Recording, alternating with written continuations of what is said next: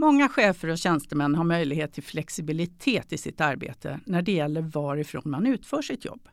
Kanske är det någon dag på kontoret, någon hemifrån och kanske någon helt annanstans ifrån. Och många av oss uppskattar det hybrida arbetet då det på olika sätt kan underlätta för oss i vardagen. Vi slipper transport till och från jobbet. Vi kanske kan jobba mer fokuserat utan avbrott.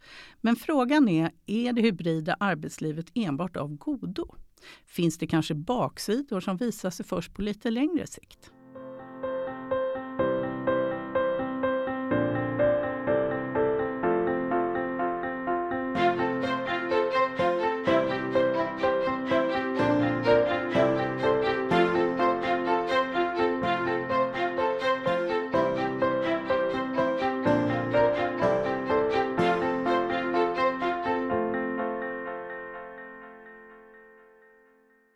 Jag heter Anki Udd och är ledarskapsutvecklare här på Ledarna.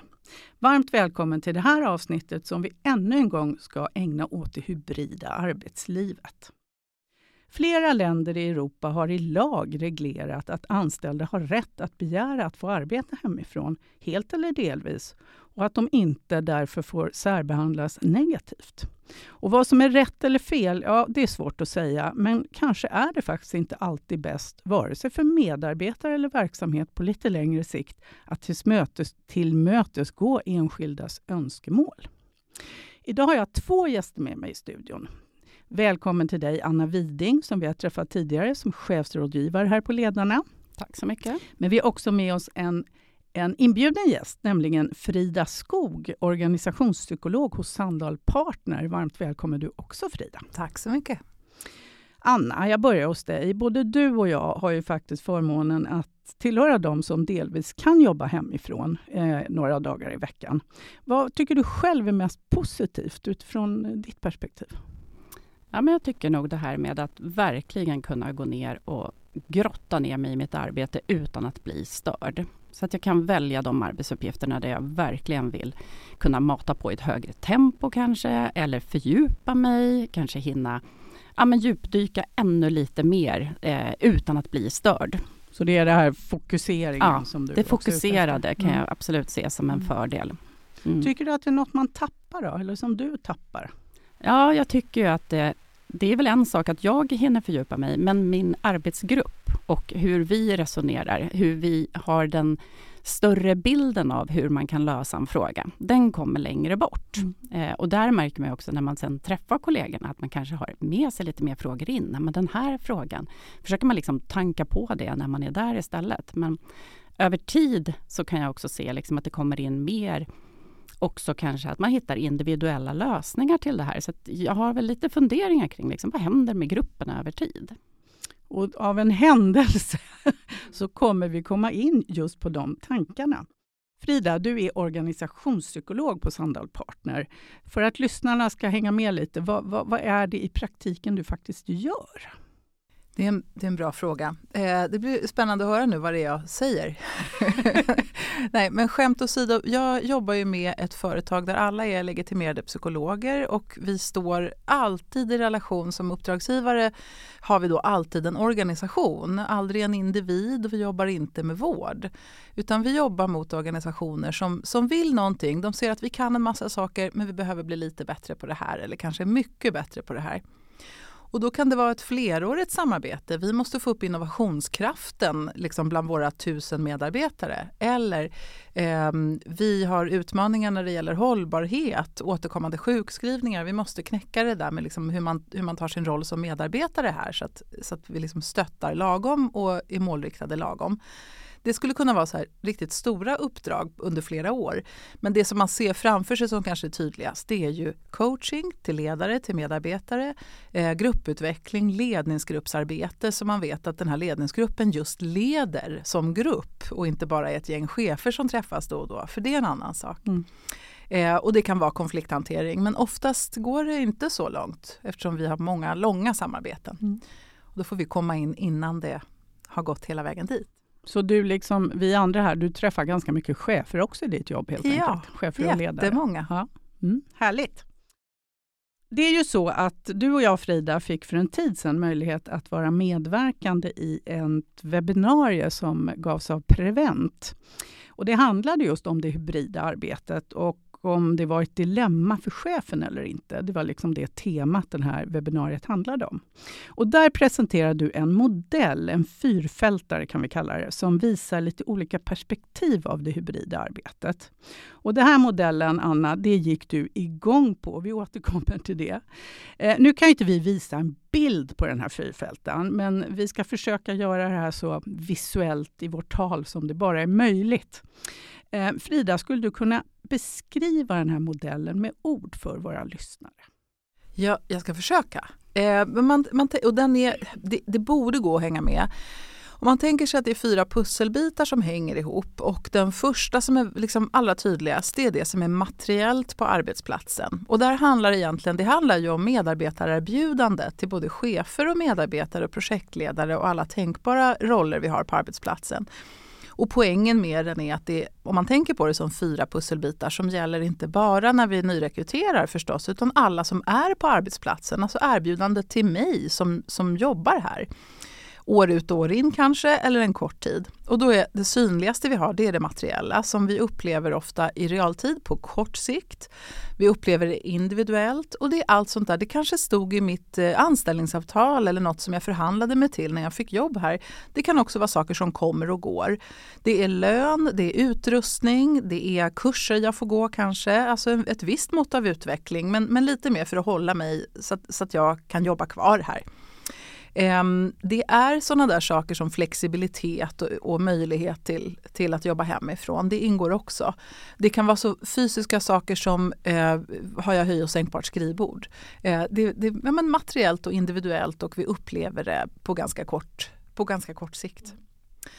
Eh, men sen så om man liksom rör sig ifrån det där individuella och lite mer på, på liksom, alltså, saker som man upplever lite mer kollektivt så tänker vi oss en, en pusselbit som heter tillhörighet. Så då har vi det materiella och sen har vi tillhörigheten. Och tillhörigheten upplever vi också liksom i realtid på kort sikt. Men vi måste ha andra människor omkring oss, virtuellt eller fysiskt. Det måste inte vara på en arbetsplats. Men vi behöver uppleva en känsla, alltså den här känslan av att vi jobbar på samma ställe med kanske ungefär samma saker mot samma övergripande mål. Det är lite som Anna beskrev när hon är tillbaka ja. på kontoret och där med kollegor och löser uppgifter och så här är hanterat. Och, ja, mm. och Anna sa något bra där att det kommer liksom lite längre bort de där sakerna som är, som är mer kollektiva, som upplevs mer i grupp. De, det är inte så att vi inte kan lösa sådana saker men jag tror när man tänker mycket individuellt och materiellt, alltså platsen jag är på, då kommer jag försöka lösa dem mest som problem. Eh, när det blir trassel, då snackar vi. Mm. Men det där förebyggande, när vi, när vi bygger tillhörighet i en grupp så att vi kan ge varandra feedback om det behövs. Jag kan hålla kollegor och mig själv ansvarsskyldiga för vad vi har sagt. Det är mycket svårare att göra om vi inte har en upplevd tillhörighet. Ehm, så att vi, liksom, vi, kan, vi kan eh, skapa relationer så att de håller sen ifall det gnisslar till. Mm. Det kommer det att göra förr eller senare. Och ja, men om man om ni är med så långt, vi har två pusselbitar. Vi har det materiella som vi upplever individuellt och kortsiktigt och så har vi tillhörigheten som vi också upplever kortsiktigt men vi upplever den kollektivt. Sen så får man tänka sig en pusselbit som heter utveckling och den är speciell för att vi upplever den enskilt som individer men den byggs på lång sikt. Och det är sådana här saker som att få mer ansvarsfulla spännande uppgifter som kan vara utvecklande, nya roller, ny befordran till exempel. Mer sådär eh, påpälsande utbildningar. Alltså, det handlar inte om att gå på kurs i nej, två dagar? Och... utan kanske få, ja men i mitt skrå till exempel bland psykologer, att man får gå en steg två-utbildning till exempel till terapeuten och sånt där på, arbets, på arbetstid. Um, och utvecklingen är spännande för att individer tenderar att säga nej tack till det. Alltså det behövs inte, jag klarar mig. Så även om du själv som människa, som medarbetare, som chef, vad du än har för roll, kan se att i längden skulle jag nog behöva utvecklas på de här, de här sätten. Men här och nu, ja men då är det ju mycket viktigare för mig att få ihop mitt vardagspussel mm. eller liksom känna att jag slipper åka i rusningstrafik. Um, så att vi dras ju åt det individuella och materiella hela tiden. Och även för egna mål så är vi lite slarviga. Liksom. Är det lite lathet kanske?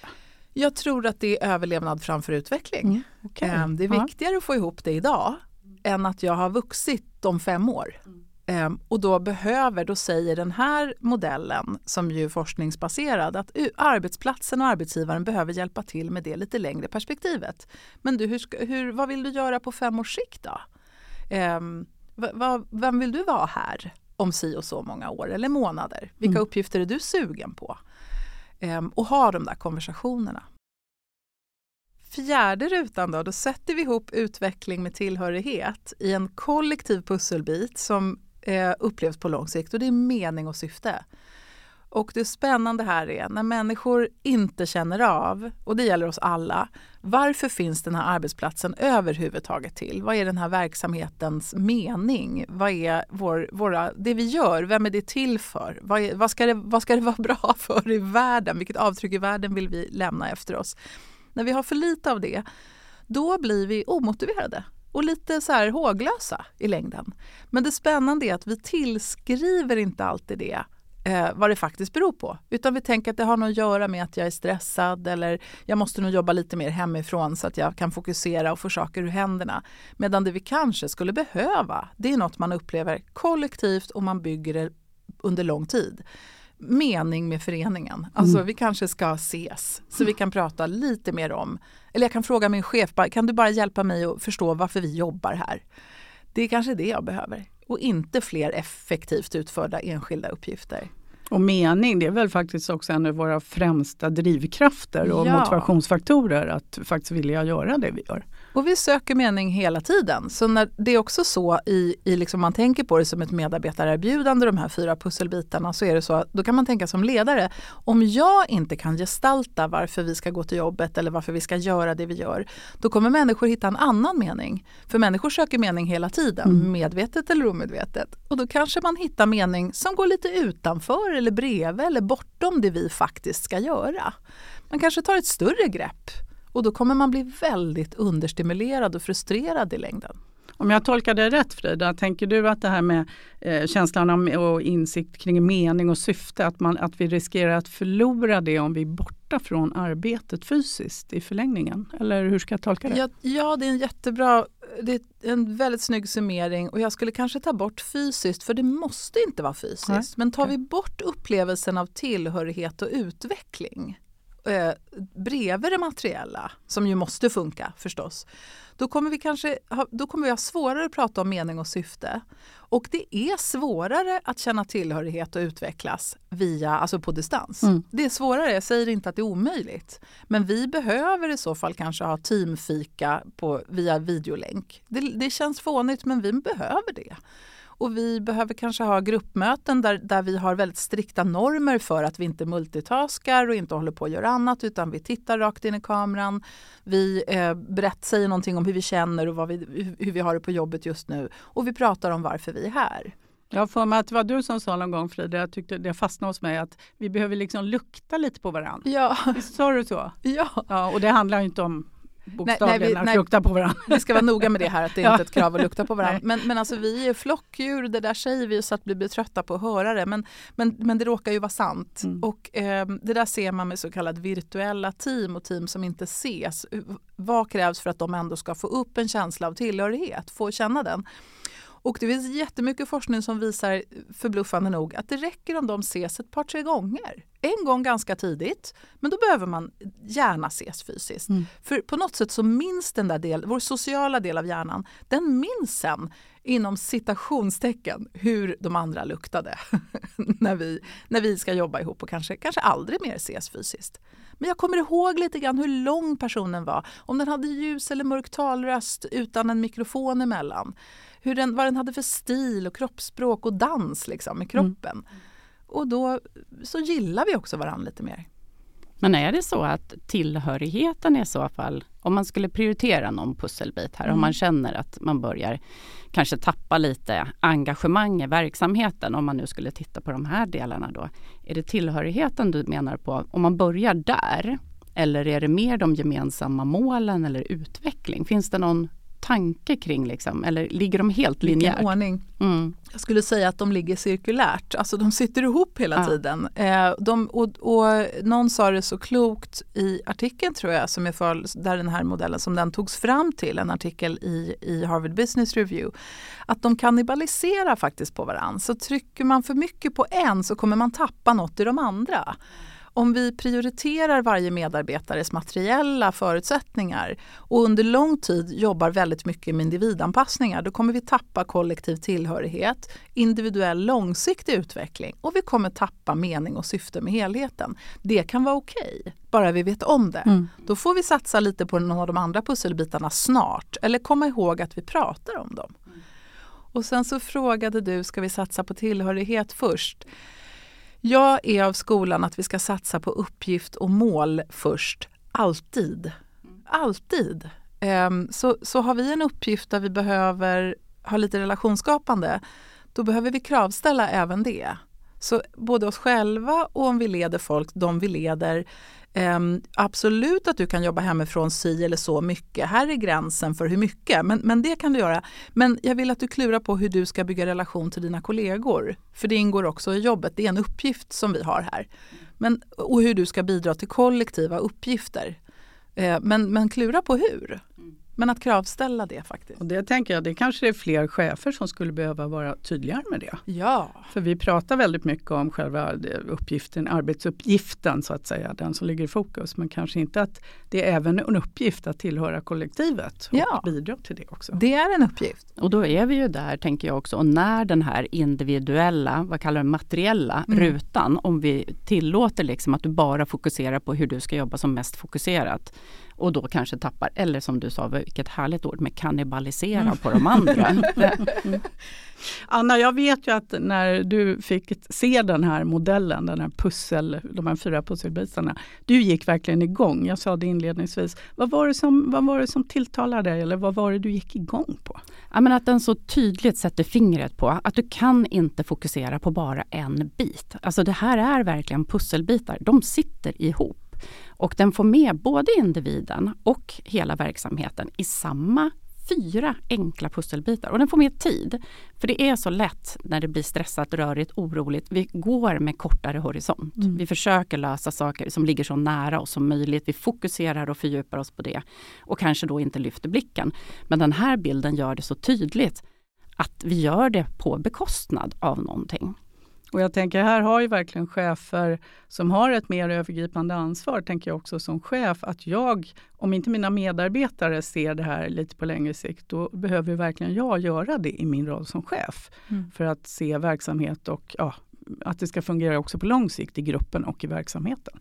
Ja, jag tror också att den här omställningen vi gjorde med tack vare eller på grund av pandemin, vad vi nu ska säga, med att se över att helt plötsligt klarar vi av långt mycket mer än vad vi visste att vi kunde med att hantera en arbetsmiljö, vilket är fantastiskt. Men jag tror också att, att, det, har, att det kommer en tid nu där vi måste titta på helheten. För det, alla våra beslut har ju alltid konsekvenser, men man har inte riktigt sett dem. Men jag tror att det finns skav ute eh, på olika ställen. Men att man kanske inte riktigt ser hur de hänger ihop. För mm. man har ju gett alla nu alla möjligheter att jobba hemma och teknisk utrustning. Så vad är problemet? Och jag tycker att den här modellen kan vara en väldigt bra hjälp till att fundera på hur man har gjort just med gruppen och det kollektiva och de här målen. Delar vi dem fortfarande eller är det någon som har bytt och bara jobbar egentligen med mm. att leverera precis det jag har på bordet? Sitt, sitt eget mål. Ja precis, precis. Ja, sitt isolerade bidrag. Eller hur? Ja. Ja. men jag tror att det finns en risk. Jag tror alla möjligheter finns där ute och det är ju då precis som att vi har, det är ju ändå individer som bygger en verksamhet. Så det vore väl konstigt om det inte var så. Men modellen som jag verkligen gick igång på, den är så enkel och den gör det så tydligt att får du inte med alla bitarna så kommer det få konsekvenser. Mm. Om vi, om, ja, Frida? Men jag tänker vi, har, vi var slarviga långt innan vi blev duktiga på hybridarbete och, och jobba liksom via, via ha möten på Teams och sitta hemma och, och liksom ha ett system för det där. Förr om man tänker tillbaka då, då kunde vi tvärt och det kan vi ju raljera över nu. Då kunde vi tvinga massa människor bara för att att åka till något ställe, sätta sig på flygplan och åka timmar i bil för ett två timmars möte och sen hela vägen tillbaka igen. Det, det var, det var, vi var liksom blinda då med. Det var som att det var det enda sättet att mötas. Så skulle det vara möten till varje pris ibland kändes mm. det som. Och vi var, vi var slarviga redan då på att säga varför ska vi ses? Varför ska just vi alla ses just den här tiden på just den här platsen? Och jag tänker vi, nu, vi, vi ska på igen. Liksom. Varför ska det här mötet vara ett mejl istället? varför ska det här mötet vara på länk och alla ska fokusera hela den här tiden? Eller varför, ska vi, varför vill jag att alla ses fysiskt den här gången? Och på vilken, vid vilket gränsvärde känner jag att nej men då ställer vi nog in mötet om, om den eller den inte kan och varför? Men också varför bestämmer jag olika för olika medarbetare? För det är helt självklart att det måste få vara olika.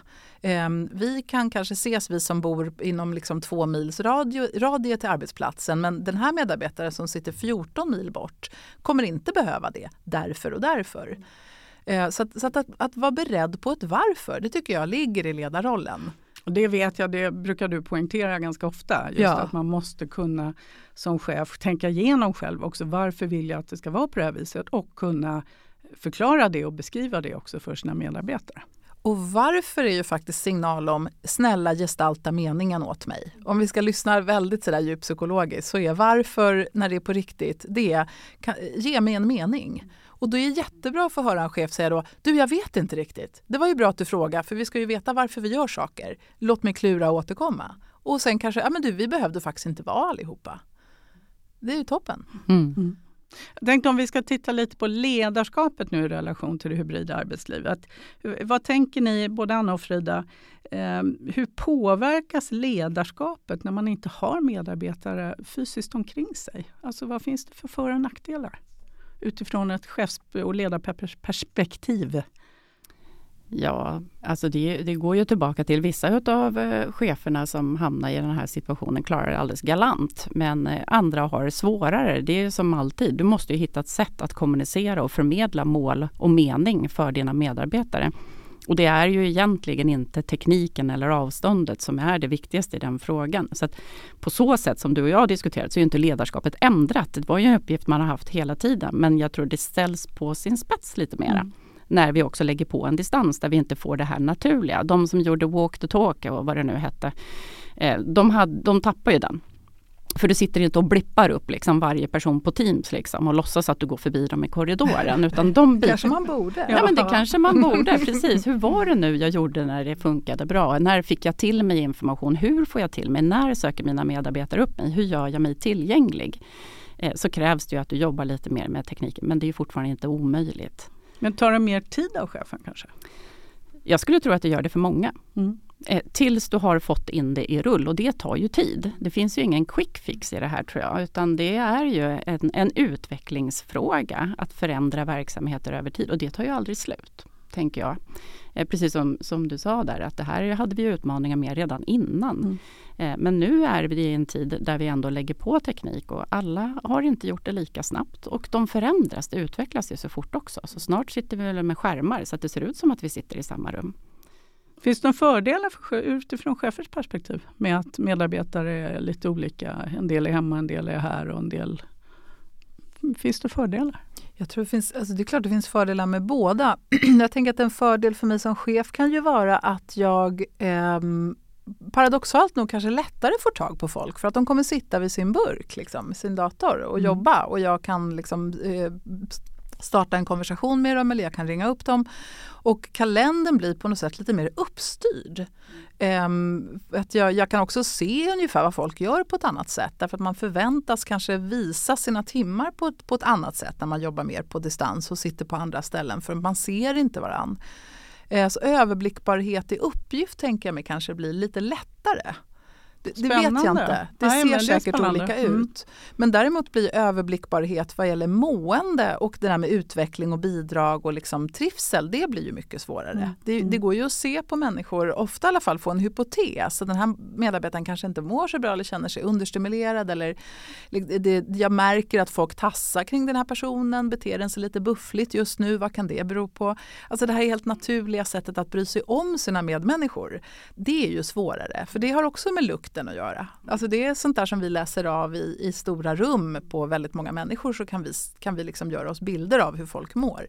Och har vi dem inte i rummet så kan vi inte det. Men, men jag tänker också på det där tekniska, det kräver ju lite mod också att skapa, skapa tillhörighet i ett länkmöte till exempel. Det är högst möjligt, men du måste våga.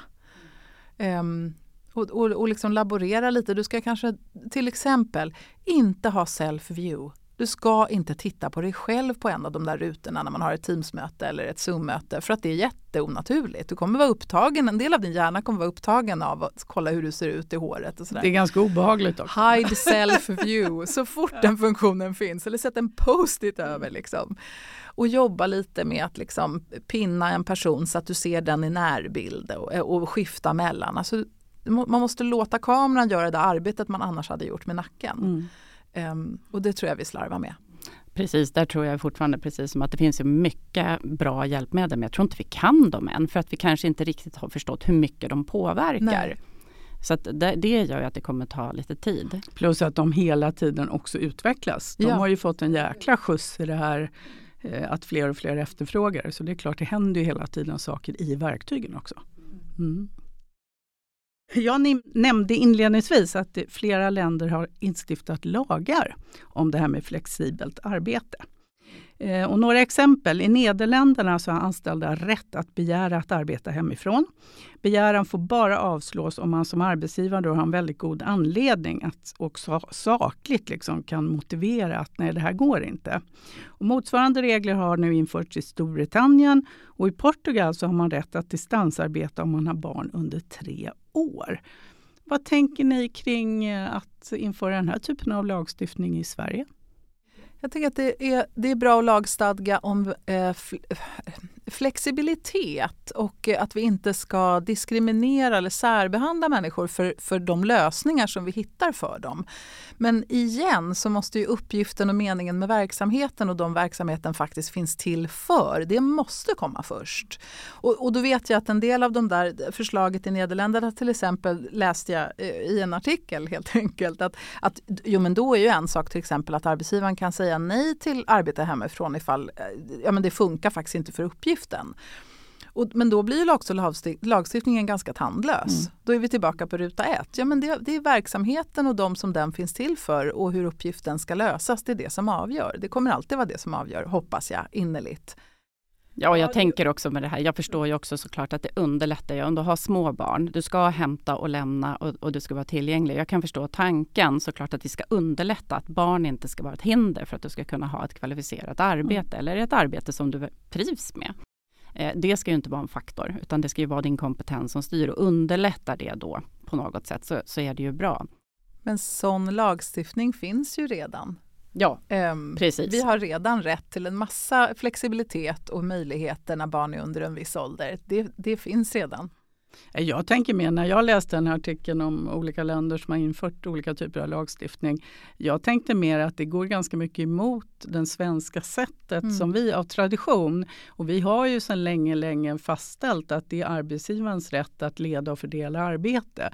Eh, och det plötsligt tar man bort här. Eh, så, ja, men som jag säger som dig Anna, man kanske får lära sig att tänka om. Jag vet inte. Vi får se om det dyker upp här. Mm. Senast idag tog jag, ny, eh, er, tog jag del av en ytterligare en undersökning Eh, där man har frågat 2000 medarbetare i de nordiska länderna om vad de har för attityd till distansarbete. Och då visar det sig att det är så pass många som 65 procent av medarbetarna i Sverige de vill ha en laglig rätt att jobba hemifrån eller på distans. Och det är ett företag som heter OWL Labs. Eh, oklart, jag känner inte till dem. Men det är en väldigt hög andel får man ju säga. Och med tanke på att det debatteras lite nu med lagstiftning i andra länder så vem vet vad vi har framför oss. Där tänker jag att det är, vi måste hjälpas åt för vi är så otroligt styrda av korta konsekvenser och det verkar gälla oss lite som labbråttor. Alltså som, som mänskliga djur så verkar det vara så. Det kan man ju se själv, man sitter kvar med telefonen i soffan istället för att gå den där skogspromenaden. Det är ju väldigt begripligt. Men vi behöver hålla span allihopa då på att vi inte väljer någonting som är materiellt och praktiskt för oss här och nu och sen kommer liksom tyna lite grann i motivation och lust på tre års sikt och kanske lämna den här arbetsplatsen där vi faktiskt hade kunnat utvecklas om vi, om vi inte hade tillåtits att välja så där kortsiktigt. Så, så jag, jag tänker i alla fall jag själv som medarbetare, jag vill inte ges den makten att få välja var jag ska jobba. Jag vill att uppgiften ska avgöra det. och jag vill ha en chef som kan resonera med mig kring hur ska du bidra till vår kultur? Hur vill du eh, bidra till helheten? Och fråga mig om det, kravställa mig lite mm. på det. Och inte bara hur vill du ha det, var vill du jobba? Det känns lite fattigt. Mm. Och det känns lite utifrån det perspektivet att lagstiftarna här kanske har tänkt mer på de här kortsiktiga eh, pusselbitarna. Ja, för mig låter det ju så. Och mm. det mår inte jag väl av i längden. Nej. Spännande. Det finns mycket fortsatt att prata om det hybrida med möjligheter men också utmaningar. Det här var ytterligare ett, ett inlägg i den diskussionen och titta gärna på den här modellen som finns där det här avsnittet finns på ledarna.se. Jag vill rikta ett jättetack till er, Anna och Frida, för att ni var med här idag och pratade om det hybrida arbetslivet och de kort och långsiktiga effekter och konsekvenser av det. Och jag har sagt det förut, jag säger det igen, det finns inget facit för vad som är rätt eller fel när det gäller omfattning av distansarbete. Men det är alltid viktigt att överväga, överväga olika perspektiv när du som chef lägger upp riktlinjer för vad som ska gälla hos dig och på din arbetsplats. På längre sikt så är det kanske inte bara positivt att tillmötesgå enskilda individers önskemål, utan som chef både se till helhet och ha ett längre tidsperspektiv. Och du kommer väl ihåg att du kan skicka in din egen fråga till oss här på Chefsrådgivarna. Det gör du på chefsrådgivarna.ledarna.se. Stort tack för att du har lyssnat.